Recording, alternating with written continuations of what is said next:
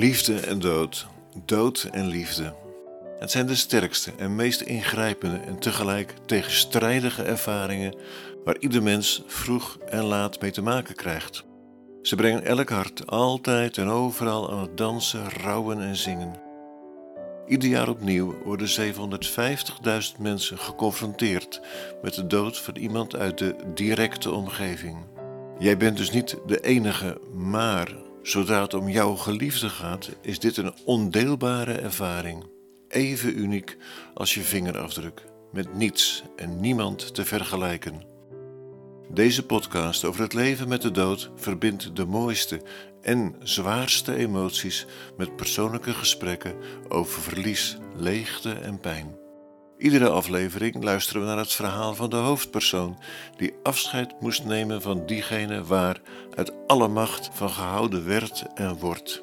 En daarna luister je naar de feedback van een ervaren rouwcoach die vertelt hoe jij overleeft en door kunt leven na het afscheid van een geliefde.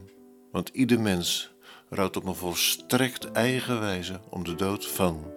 Mijn moeder, die altijd vertrouwen in mij heeft gehad.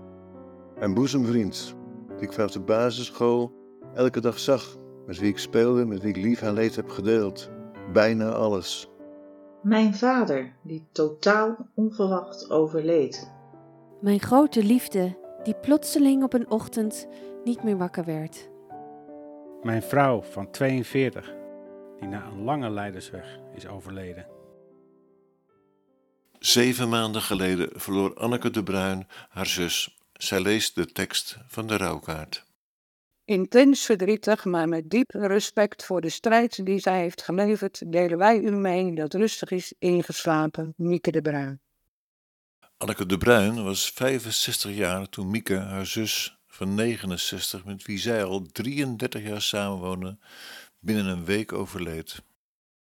Ze deelde duizend en één ervaringen, reisde naar de mooiste oorden, maar maakte ook emotionele reizen. Wat betekende Mieke voor haar? En hoe groot is dat verlies? Een bijzonder gesprek. Anneke, wat had uh, Mieke voor een karakter? Was ze zonnig, onbewolkt of warm? Of was zij vooral somber en uh, wat meer bewolkt van nature? Nee, Mieke had een uh, heel zonnig karakter. Zij was vrolijk, had ook wel een een, een beetje een zwaarmoedige kant. Het was natuurlijk niet alleen maar vrolijk, maar het was wel een feestbeest. Vooral op de tennisvereniging konden we zich aardig laten gaan. En dan, uh, dan had ze het gewoon heel gezellig met, uh, met alle kennissen en vrienden die daar rondliepen. Maar ook thuis hadden we gewoon heel veel ja, plezier met z'n tweeën. wat is er veranderd toen zij serieus ziek werd? Nou, toen zag je natuurlijk wel dat ze, dat ze wat introverter werd. Eh, ze was van nature heel extravert, in tegenstelling tot, uh, tot mijzelf. Ik ben van nature heel introvert. En Mieke was altijd heel extravert, altijd, uh, oh, even gezellig, iedereen uh, kan binnenkomen en uh, mee eten en uh, borreltje drinken. Maar toen zij ziek werd, ja, je kon zien dat ze een beetje wanhopig werd. Van, want ze had gewoon veel pijn, wat mijns inziens gewoon niet zo heel serieus werd genomen. Tenminste, niet serieus is ook niet helemaal waar, maar ja, er is gewoon niet op de goede plekken gezocht. En ja, je kon zien dat ze gewoon heel veel pijn had en daardoor in zichzelf keerde. Kon jij toen bij haar komen met jouw vragen, met jouw nabijheid? Ja, want zij, ja, ze vroeg natuurlijk aan, wat moet ik doen? Wat, wat, wat, wat, wat moet ik nou weer innemen? En uh, nou, dan gingen we samen op zoek naar, uh, nou, nog een paracetamoletje. Of zullen we dan maar eens ibuprofen proberen? Omdat mij niet duidelijk werd wat er nou aan de hand was. En ja, tegenwoordig in het medische circuit is het wachten, wachten, wachten. En ja, ik, ik kon wel bij haar komen. We hadden het daar natuurlijk ook wel over. Maar ja, ik kon haar niet geruststellen, want ik wist ook niet wat het was.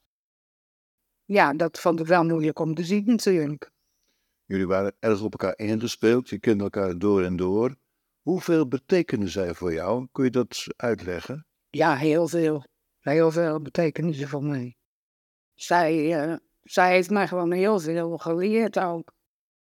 Ik zei net al, ik ben een introvert persoon. Maar zij heeft mij wel geleerd om meer naar buiten te trainen en meer open te staan voor mensen. En ja, niet altijd maar op mezelf te blijven. En dat, uh, ja, dat heb ik van haar geleerd. En dat, dat mis ik natuurlijk. Ik mis haar gewoon in alles. In het morgens goeiemorgen zeggen. En het wel trusten zeggen. Het samen op vakantie gaan. En ook met vrienden. Natuurlijk zeggen ze alles, alles went. Dat is ook zo, alles went. Maar het is stil, het is gewoon stil in huis. En dat, dat, en niet dat ze nou de helft oren van je kop lulde, dat was natuurlijk ook niet zo.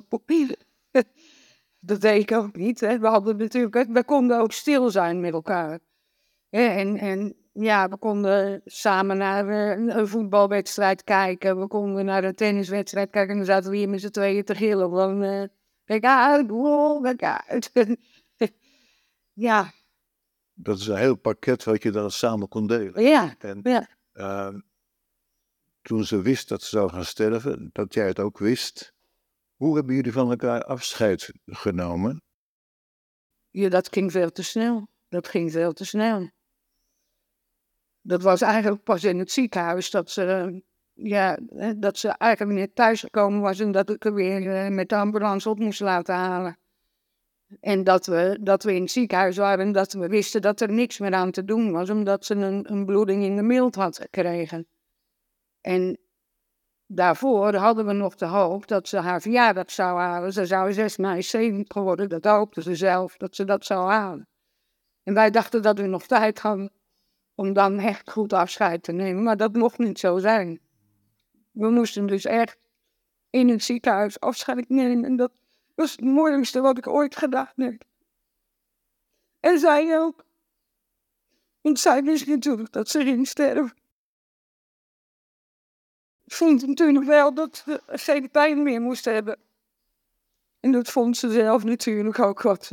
Van, de arts had tegen haar gezegd van, mevrouw de Bruin, opereren is geen optie meer. En dat betekent dat, dat u hier blijft en dat we dan medicatie gaan geven en dat u niet meer wakker zult worden. Toen wilden ze het eigenlijk direct hebben. En toen wist ze nog tegen die arts. En die arts zei van, ja, maar dat, uh, dat kunnen we niet zomaar doen. Oh, komt dan de politie? Weet je wel. nou ja, dat soort humor. Dus dan moesten we ook wel weer samen lachen, terwijl we ook eigenlijk samen aan het huilen waren. Want als je weet dat, je, dat ze gaat sterven, en zij wist dat natuurlijk ook. Was ze erg bang om te sterven? Nee, ze was niet bang. Nee. Ik denk dat ze blij was dat ze mocht sterven, omdat ze zo'n pijn had dat ze en, dat kwam dan nu echt door die bloeding in de mild. Door de andere pijn was min of meer onder controle, maar ze had zo'n pijn dat ze gewoon niet meer, niet meer wilde ook hoor. Nee. Dat is al een rare vraag, maar is dat ook een soort troost voor jou dat Mieke zelf op een gegeven moment zich bevrijd voelde van de pijn en verlost van de spanning en de stress? Ja, dat, dat, dat wel natuurlijk je kon het gewoon zien toen ze die, die echt die slaapmeditatie had gekregen. En dat je echt zag van nu, nu is de pijn meer. En zag je gewoon dat ze rust in het gezicht had. Niet meer die grimassen van, uh, van, van pijn. En dat was voor mij het belangrijkste, dat zij geen pijn meer had. Maar dat is op zich geen troost, hè?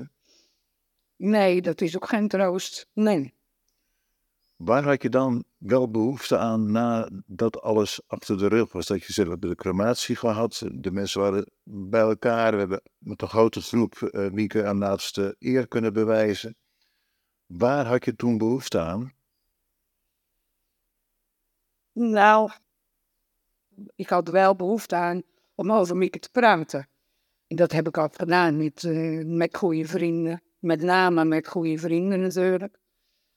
En uh, kijk, in zo'n eerste periode word je gewoon geleefd, want iedereen wil bij je komen, iedereen wil je knuffelen, iedereen wil je ja, bij je komen of je drinken, je tot steun zijn. Dat is allemaal hartstikke lief. Maar je moet ook tot jezelf komen. Je moet ook zelf weer omgaan met, met het verlies. En ja, ik heb nu nog één broer en daar heb ik natuurlijk ook veel aan. En hij aan mij ook. Maar hij was ook ontzettend verdrietig, want hij vond ook dat hij eerst moest gaan, want hij is gewoon een stuk ouder.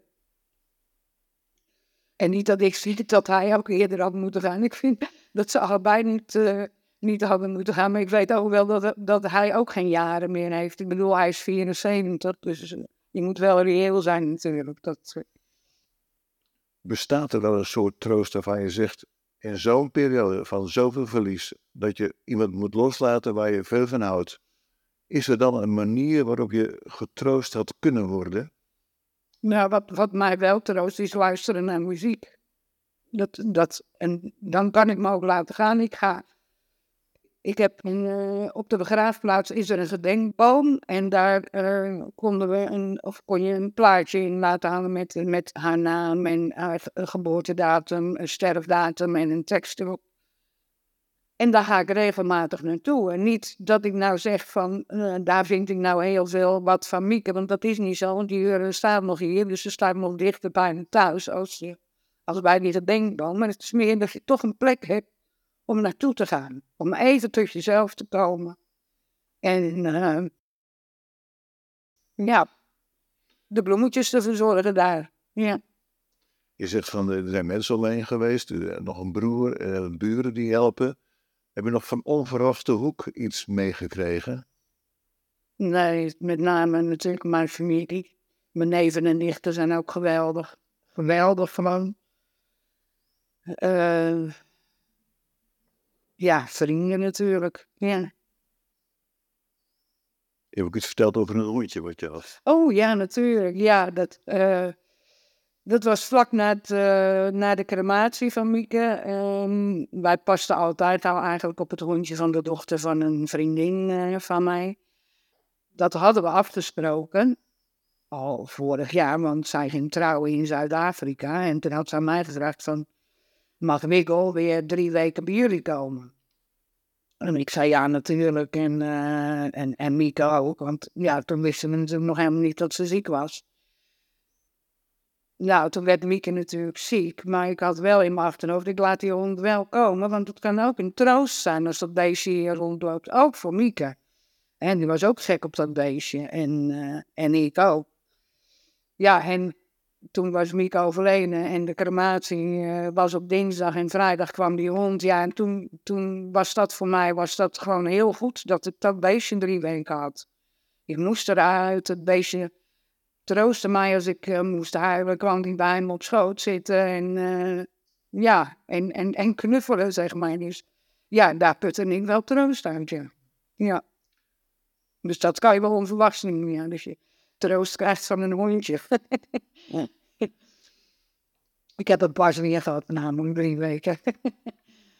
Is het zo dat, dat je kunt zeggen van, wanneer je iemand verliest waar je zoveel van houdt, dat er op zich bijna geen troost is de eerste maanden, waardoor je kunt zeggen van dit is het medicijn voor troost of dat moet je doen om er doorheen te komen of die stap moet je zetten om door te kunnen gaan. Nee, er is, er is geen medicijn. Er is, iedereen werkt het op zijn eigen manier en de een uh, blijft erin hangen en de ander gaat wel door. Ik, ik weet gewoon dat, ja, dat je, het leven gaat verder.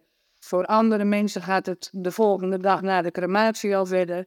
Omdat het niet hun verliefde is, of, hè, of niet hun zus, of hun uh, partner of kind. Pas als je zelf meemaakt, hè, als er iemand in je, in je naaste omgeving overlijdt, weet je pas wat er gebeurt en hoe je reageert. Dat, dat kun je niet volkouwen voor een ander.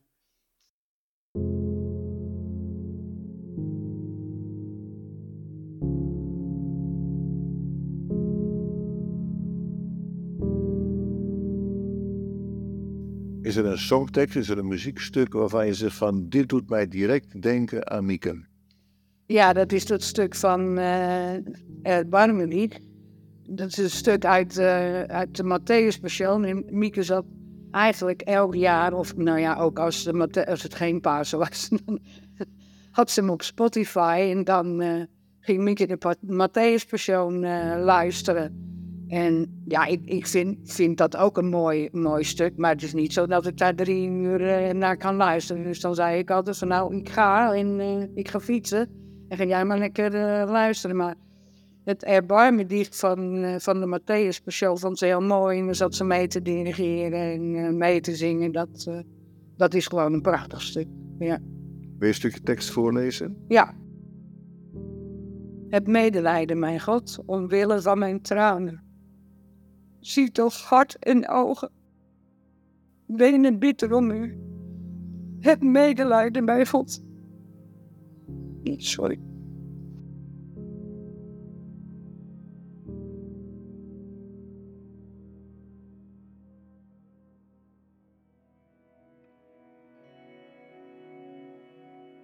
uitvaartleider. En uh, we hadden die zondag, Mieke is op zondagochtend vroeg overleden. En mijn uh, broer was in ons huis, die had daar geslapen omdat hij zijn gezondheid gewoon niet toeliet om te waken.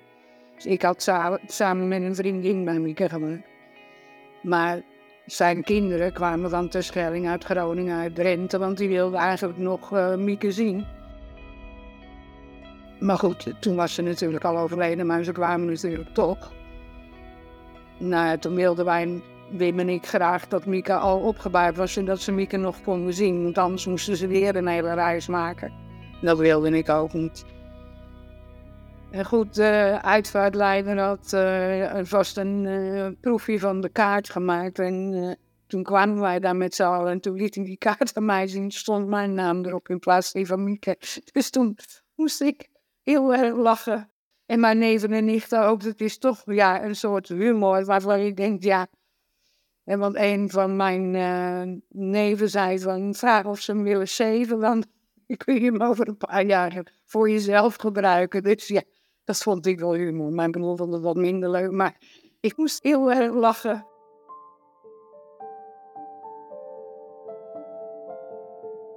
Beste Anneke, Allereerst mijn medeleven voor het verlies van jouw zus Pieke. Ik zal me even voorstellen. Ik ben Peter van den Berg. Ik heb een eigen praktijk in verliesrouw en sterfbegeleiding. Behalve mijn medeleven wil ik je ook een compliment geven dat je het aandurfde om bij je zus in de laatste fase van je leven haar bij te staan. Dat is niet niks. En misschien heb je bepaalde ervaringen in die laatste periode dat nu een bepaalde meerwaarde voor je kan zijn in de rest van je leven.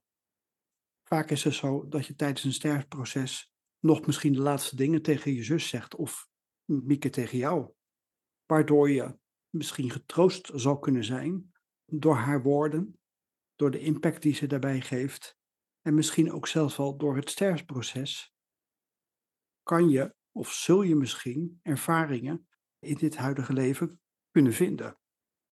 Daarnaast mijn medeleven, omdat je behalve je zus, ben je ook je levensgezellen kwijt. Je huisgenoot en levenspartner, dat is ook niet niks. Het feit dat je gezamenlijk met elkaar in één huis leeft, betekent dat jullie een aanvulling op elkaar waren, zoals je al zei.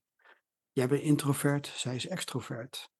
Zij kon jouw leven vullen door haar dagelijkse aanwezigheid. Ze was een feestbeest, zoals je zei. Dat maakt de stilte nu groter als je introvert bent, heb je het gevaar, en ik hoop niet dat je er nu zo in staat, dat verdriet stil verdriet is. Dat je het niet zo makkelijk openhartig maakt. Dat je je niet zo makkelijk durft te uiten. Mogelijk word je, en hopelijk word je uitgenodigd door omstanders, familie, vrienden, kennissen, om jouw verhaal te doen. Dat ze alleen niet vragen van hoe het met je gaat. En maar dat ze ook durven door te vragen van hoe het feitelijk nu met je gaat. En wat het voor jou betekend heeft, het stervensproces zien, de verlieservaring rondom jouw zus, het dagelijks alleen zijn en hoe je je leven vult of hoe jij je dag vult. Verdriet maakt eenzaam en eenzaamheid geeft ook verdriet. Dat is geen prettige combinatie. Maar soms heb je de eenzaamheid nodig om jezelf terug te vinden in stilte Want stel dat je wordt afgeleid van omstanders, dan is het de vraag van wat betekent het voor mij dat Mieke er niet meer is? Wat betekent het voor mij dat ik haar mis? Wat betekent het voor mij om alleen door het leven te gaan? En wat zijn mijn behoeftes? Wat heb ik nu nodig? Het is goed om te horen dat een grote groep mensen je na de crematie van Mieke hierbij stonden. Dat ze hartelijk waren, oprecht hartelijk.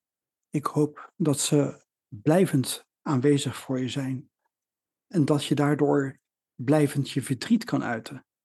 Want hoe vaker je verdriet kan uiten, je gevoelens kan laten tonen, je erover kan praten, hoe meer en meer de pijn van de rouw over kan gaan. En rouwen is niet zomaar iets wat, nou laat ik een Nederlandse gezegde bijhouden. Tijd heelt alle wonden. Was het maar zo simpel, dan zou het gewoon een kwestie van afwachten zijn. Maar rouwen is een proces dat gaat misschien maanden duren, kan zelfs jaren duren. Maar gun je dezelfde tijd om, behalve trouwen, ook andere dingen te doen. Ik zie dat je, en ik hoor dat je het doet.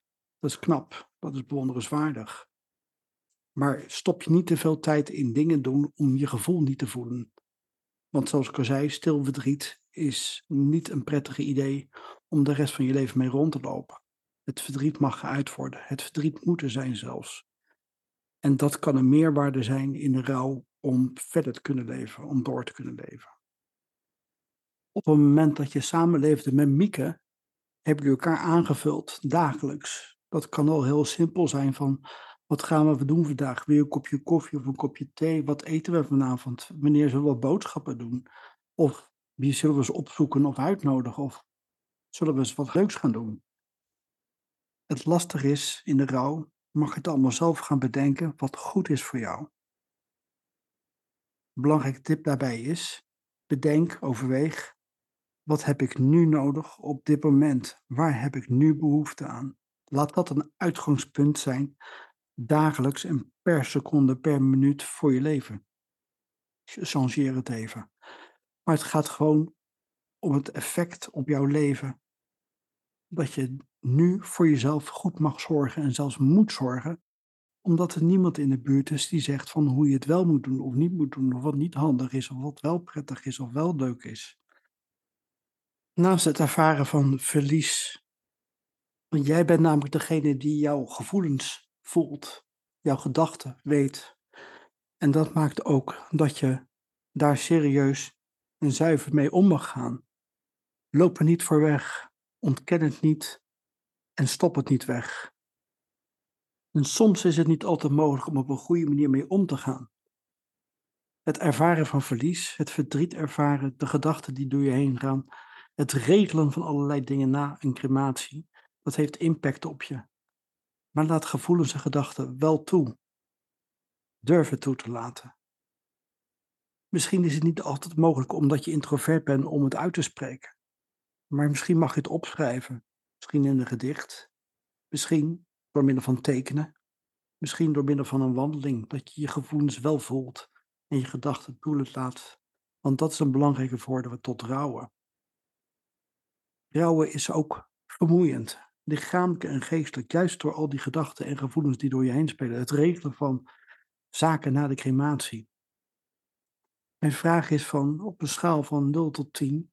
0 is heel ontspannen en 10 is zeer uitputtend, hoe moe ben je? Want belangrijk is ook dat je tot rust komt.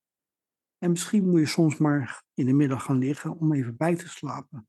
Want misschien ben je wel s'nachts regelmatig wakker door de onrust of door je gevoelens of door het verdriet. En slaap overdag dan bij, want dat is ook een belangrijke voorwaarde tot je weer in balans kan komen. En rouwen is in principe in balans komen leven zonder Mieke vergt nogal het een en ander. En dat betekent dat je op een goede manier, op een ontspannen manier, weer in balans wil zijn met jezelf voor de rest van je leven. Mieke luisterde regelmatig naar de Matthäus Passion. Erbarme dich. Mijn vraag, ben je religieus of intuïtief sterk of spiritueel? Want dat zou je ook kunnen helpen om verlies en rouw te kunnen doorstaan. Het zou zelfs troostend kunnen zijn. Ervaar je soms de aanwezigheid van Mieke nu in je huidige leven? Krijg je soms intuïtieve gedachten rondom wat zij voor je kan betekenen? En laat ik mijn ervaring even delen wat ik heb met een schoolvriend wat op 16-jarige leeftijd overdeed. Ik kreeg op een gegeven moment door, ook al hebben wij geen fysiek lichaam, we zijn toch van betekenis. Mieke kan er ook nog steeds voor jou zijn. Niet fysiek aanwezig, maar wel in woorden, gedachten. Misschien zeggen andere mensen wel eens een zin waarvan je denkt wat had het Mieke kunnen zeggen. Of je valt uh, iets op in een tekst, een bepaalde regel, een bepaalde zin, bepaalde woorden waarvan je denkt dat is helpend. En misschien zijn dat juist de aanwijzingen die Mieke je aan je geeft om je verder te helpen. Maar Mieke is er gewoon. Ook al zie je ze niet, ze is er wel. Je hoort ze niet, maar ze is er wel. En ze kan soms signalen uh, laten voelen, zien of horen, waarvan je denkt, ja, dat is mogelijk, dat is zelfs helpend. Het knappe van jou, Anneke, is dat je tijdens de rouw en voor de rouw zelfs van Mieke hebt geleerd om open te staan, mensen toe te laten en wat minder introvert te zijn. En ik hoor je zeggen dat je ook de rouw, het verlies en het verdriet in jezelf moet klaren. Dat vind ik knap, vind ik bijzonder. Want dat geeft je in principe aan dat je probeert ook op die manier een balans te zoeken. De rouw en verdriet in jezelf om laten gaan, maar ook in relatie tot anderen. En eigenlijk wil je daarvoor een compliment geven, want het is niet niks om te rouwen. Het vergt veel van je. En ik zou ook zeggen, ik wens je ook het, al het goede voor de rest van je leven. Ik wens je ook sterkte in de komende tijd, want het is niet niks wat ik al eerder zei. Zorg goed voor jezelf. Blijf goed voor jezelf zorgen. En besef altijd van wat ik nodig heb in het hier en nu is mijn uitgangspunt voor de komende periode. Het gaat je goed, Anneke. Deze podcast is een initiatief van de Vereniging Leven met Dood. De vereniging heeft een site, heeft een nieuwsbrief, heeft een chatservice. En als jij nu wilt praten over jouw verlies, over jouw weg, kun je contact opnemen met 085 4014 250.